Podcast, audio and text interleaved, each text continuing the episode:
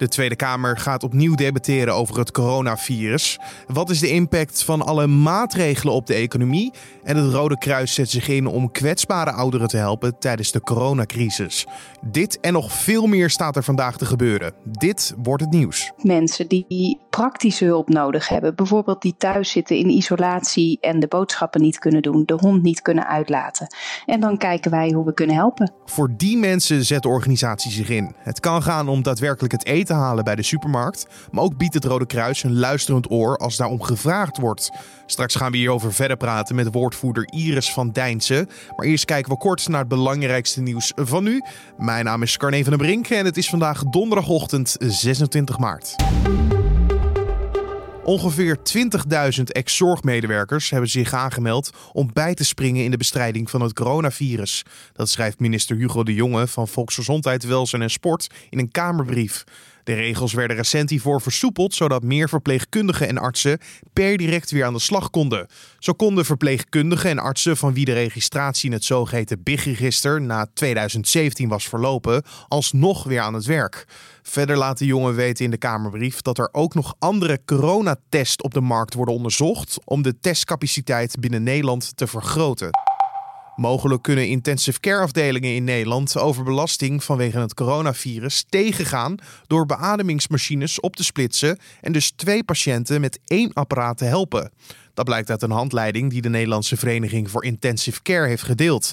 In het document wordt benadrukt dat het om een noodoplossing gaat. Beademingsmachines zijn niet ontworpen, nog geregistreerd voor beademen van meer dan één persoon tegelijkertijd. Intensive care afdelingen vrezen voor een tekort aan bedden en apparatuur. Vooral in Noord-Brabant, want Brabant staat met de rug tegen de muur, al dus de Nederlandse Vereniging voor Intensive Care. Brenton Tarrant, de man die wordt vervolgd voor de aanslag op twee moskeeën in de Nieuw-Zeelandse stad Christchurch, zegt schuldig te zijn aan het ombrengen van 51 religieuzen. De man ontkende een jaar lang verantwoordelijk te zijn voor de terreurdaad, hoewel hij op heterdaad werd betrapt. Terrence zegt nu officieel achter de aanslag te zitten. Ook zegt hij schuldig te zijn aan 40 pogingen tot moord en het plegen van een terroristisch misdrijf. Het is niet duidelijk wanneer er een uitspraak wordt gedaan in de zaak en Terrence zou officieel in juni voor de rechter moeten verschijnen. Een zeer grote brand heeft in de nacht van woensdag op donderdag een basisschool in Lelystad verwoest. De brandweer rukte uit met bluswagens uit meerdere regio's en zag zichzelf genoodzaakt om omliggende huizen te ontruimen. Volgens Omroep Flevoland moet de school, de Triangel, als verloren worden beschouwd. En de school zou normaal gesproken les moeten geven aan 130 leerlingen. De oorzaak van de brand is nog niet bekend. En dan het gesprek van deze podcast. Het Rode Kruis zet zich hard in voor hulp in Nederland bij de bestrijding van het coronavirus. De organisatie heeft een telefoonlijn opgezet waar je naar kunt bellen als je met vragen zit. Verder wil het Rode Kruis ook hulp bieden aan mensen die om wat voor reden dan ook niet voor zichzelf kunnen zorgen vanwege de moeilijke omstandigheden. Collega Julien Dom sprak gistermiddag met Iris van Dijnsen, woordvoerder bij het Rode Kruis Nederland. Want we bellen wel vaker met de organisatie, maar dan gaat het meestal om oorlog of een natuurramp. Nu is de organisatie vol aan de slag in Nederland. Julien vroeg hoe dat nou is. Ja, het is een, uh, een, een bijzondere tijd. Hè. We zijn natuurlijk al een tijdje bezig uh, met het coronavirus, waar we eerst natuurlijk bezig waren in, uh, in China en in andere landen. zijn we nu inderdaad druk aan de slag in Nederland. En wat wij uh, doen is, we hebben een uh, speciale hulplijn, de Rode Kruis hulplijn, die we vorige week maandag zijn gestart. En sindsdien zijn er al ruim 12.000 belletjes geweest. Um, Waar gaan die telefoontjes vooral over? Dat zijn vooral mensen die een uh, luisterend oor uh, nodig hebben. Um, dat zijn mensen die eenzaam zijn, alleen zijn en dus eigenlijk op dit moment uh, ja, heel hard die hulp nodig hebben om eventjes hun verhaal kwijt te kunnen. Maar ook mensen die praktische hulp nodig hebben. Bijvoorbeeld die thuis zitten in isolatie en de boodschappen niet kunnen doen, de hond niet kunnen uitlaten. En dan kijken wij hoe we kunnen helpen. En is dat dan omdat ze het niet kunnen ook, of omdat ze misschien ook niet durven om naar buiten te gaan vanwege wellicht een hoge leeftijd? Ja, dat heeft er ook wel mee te maken. Dat is iets wat we de laatste week uh, vaker horen. Uh, mensen die bellen en zich zorgen maken over die anderhalve meter. Um, omdat je natuurlijk veel berichten in de media ziet dat je afstand moet houden en dat dat niet altijd gebeurt. Dus wij krijgen ook veel belletjes van mensen die zich dan afvragen: is het op dit moment nog verstandig om naar de supermarkt te gaan? En op wat voor manier kunnen jullie deze mensen dan ja, geruststellen, om het zo even te noemen? Nou, in eerste instantie bellen ook veel mensen om te vragen wat ik nu doe. Doe ik dat nu goed? Uh, of ik, ik ben aan het kuchen, ik ben aan het niezen. Um, wat moet ik nu doen?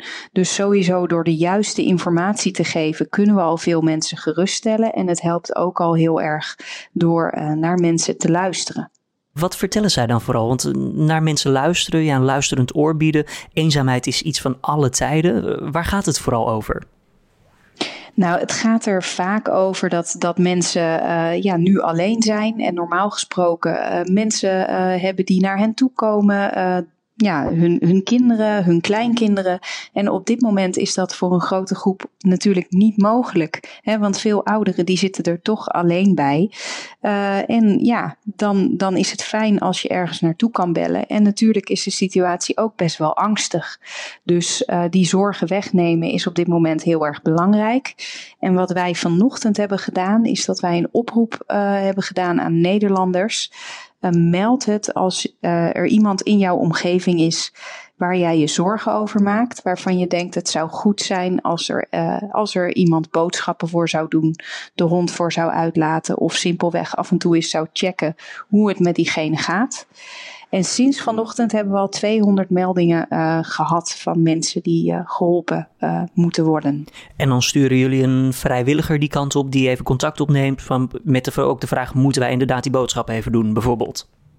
Ja, dat klopt. Wij uh, nemen contact op met uh, die persoon.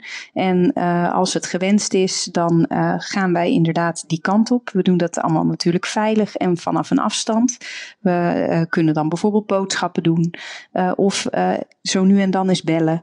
Um, ja, wat er op dat moment nodig is voor die persoon, dat kunnen we met onze Ready to Helpers, onze burgerhulpnetwerk en onze vaste vrijwilligers doen. Jullie zamelen ook producten in voor zorgverleners. Hè? Hoe gaat het daarmee uh, ondertussen?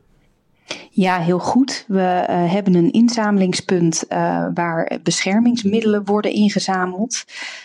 het is zo dat er heel veel bedrijven zijn die bijvoorbeeld mondmaskers, handschoenen en disinfectant hebben. Uh, en wij zamelen dat in en zorgen dat dat op de punten komt uh, waar op dit moment de grootste nood daarvoor is.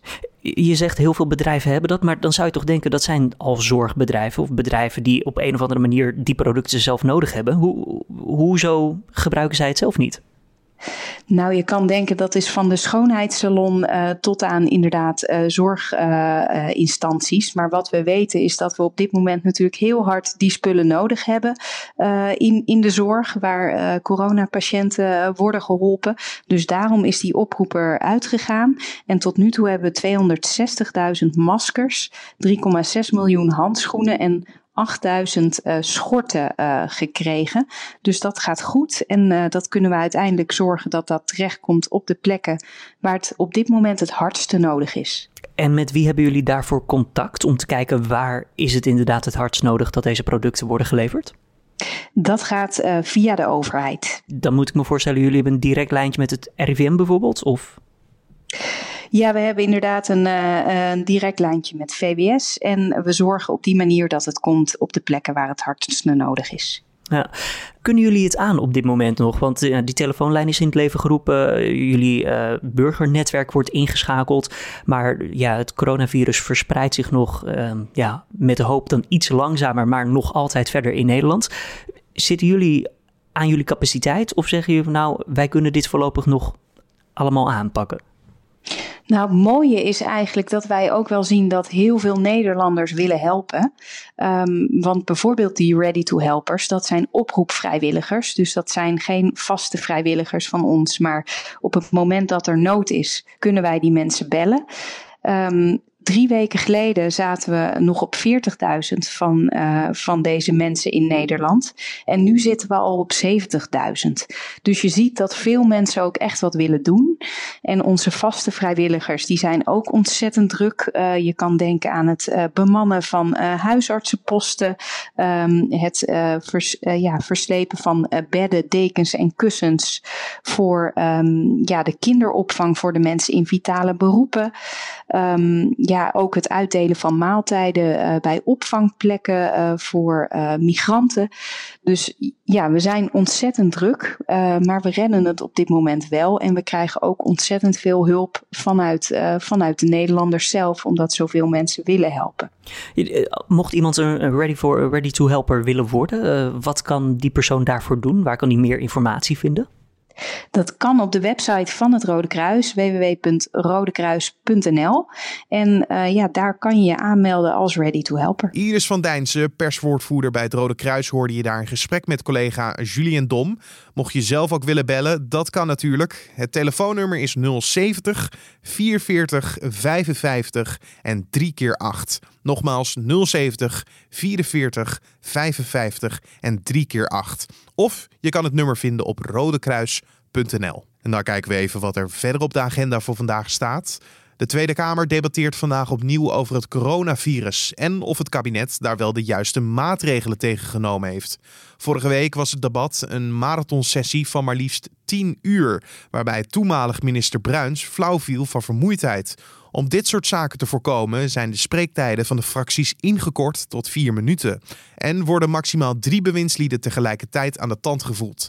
Het debat begint rond 10 uur vandaag. Het Centraal Planbureau publiceert vandaag verschillende scenario's over de effecten van de coronamaatregelen op de Nederlandse economie. Want het coronavirus en alle maatregelen gaan de economie hard raken. Zoveel is duidelijk. Maar hoe erg precies, dat is nog maar de vraag. Het CPB schetst erom verschillende scenario's met de focus op werkgelegenheid, het BBP en de overheidsfinanciën. Welk scenario het meest waarschijnlijk is, dat durven ze niet te voorspellen. Dan nog even het weer. Het fijne weer van de afgelopen dagen blijft nog even aanhouden. De zon schijnt volop en de temperatuur ligt in grote delen van het land boven de 10 graden.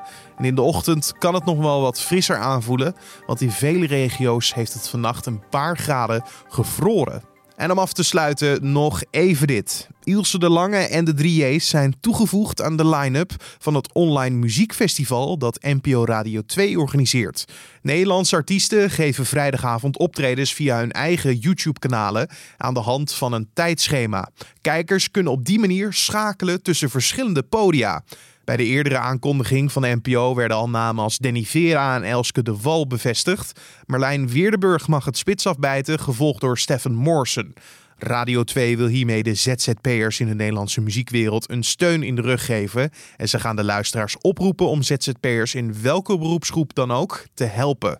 Het begint vrijdagavond pas, maar het leek me tof om je alvast een voorproefje te geven van wat je dan kan verwachten. Zo ben ik even wat gaan knutselen. En uh, dit kan je ongeveer verwachten. Je weet niet wat je mist als je het nooit hebt gehad. Wees niet bang voor de stilte alleen in de nacht.